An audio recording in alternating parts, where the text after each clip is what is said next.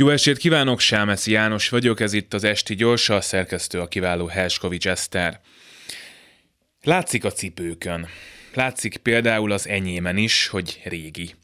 Hetek óta nézegetek egy másikat, kéne venni, ezt a mostanit, tavaly előtti talán már le sem lehet igazán tisztítani, dudorodik itt-ott, kényelmetlen, de legalább nem lyukas.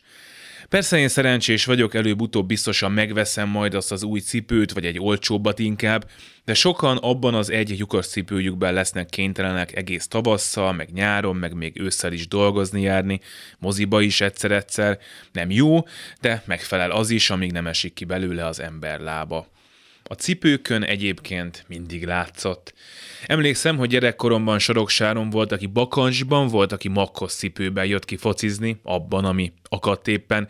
Egy alkalommal pedig három cigány srác egyetlen pár szakadt foci csukával érkezett, felváltva vették fel, úgy játszottak.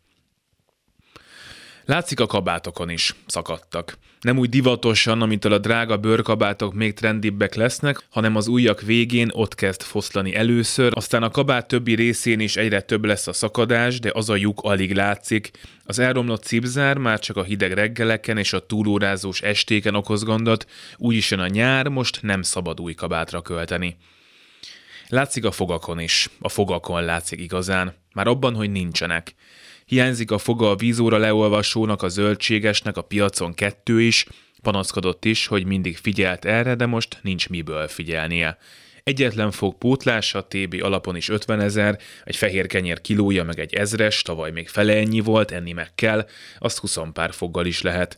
A fogakon bizony jól látszik a szegényedés. A csillogó cipők, a vadi új kabátok pedig a felelősök frissen fehérített fog során tükröződnek.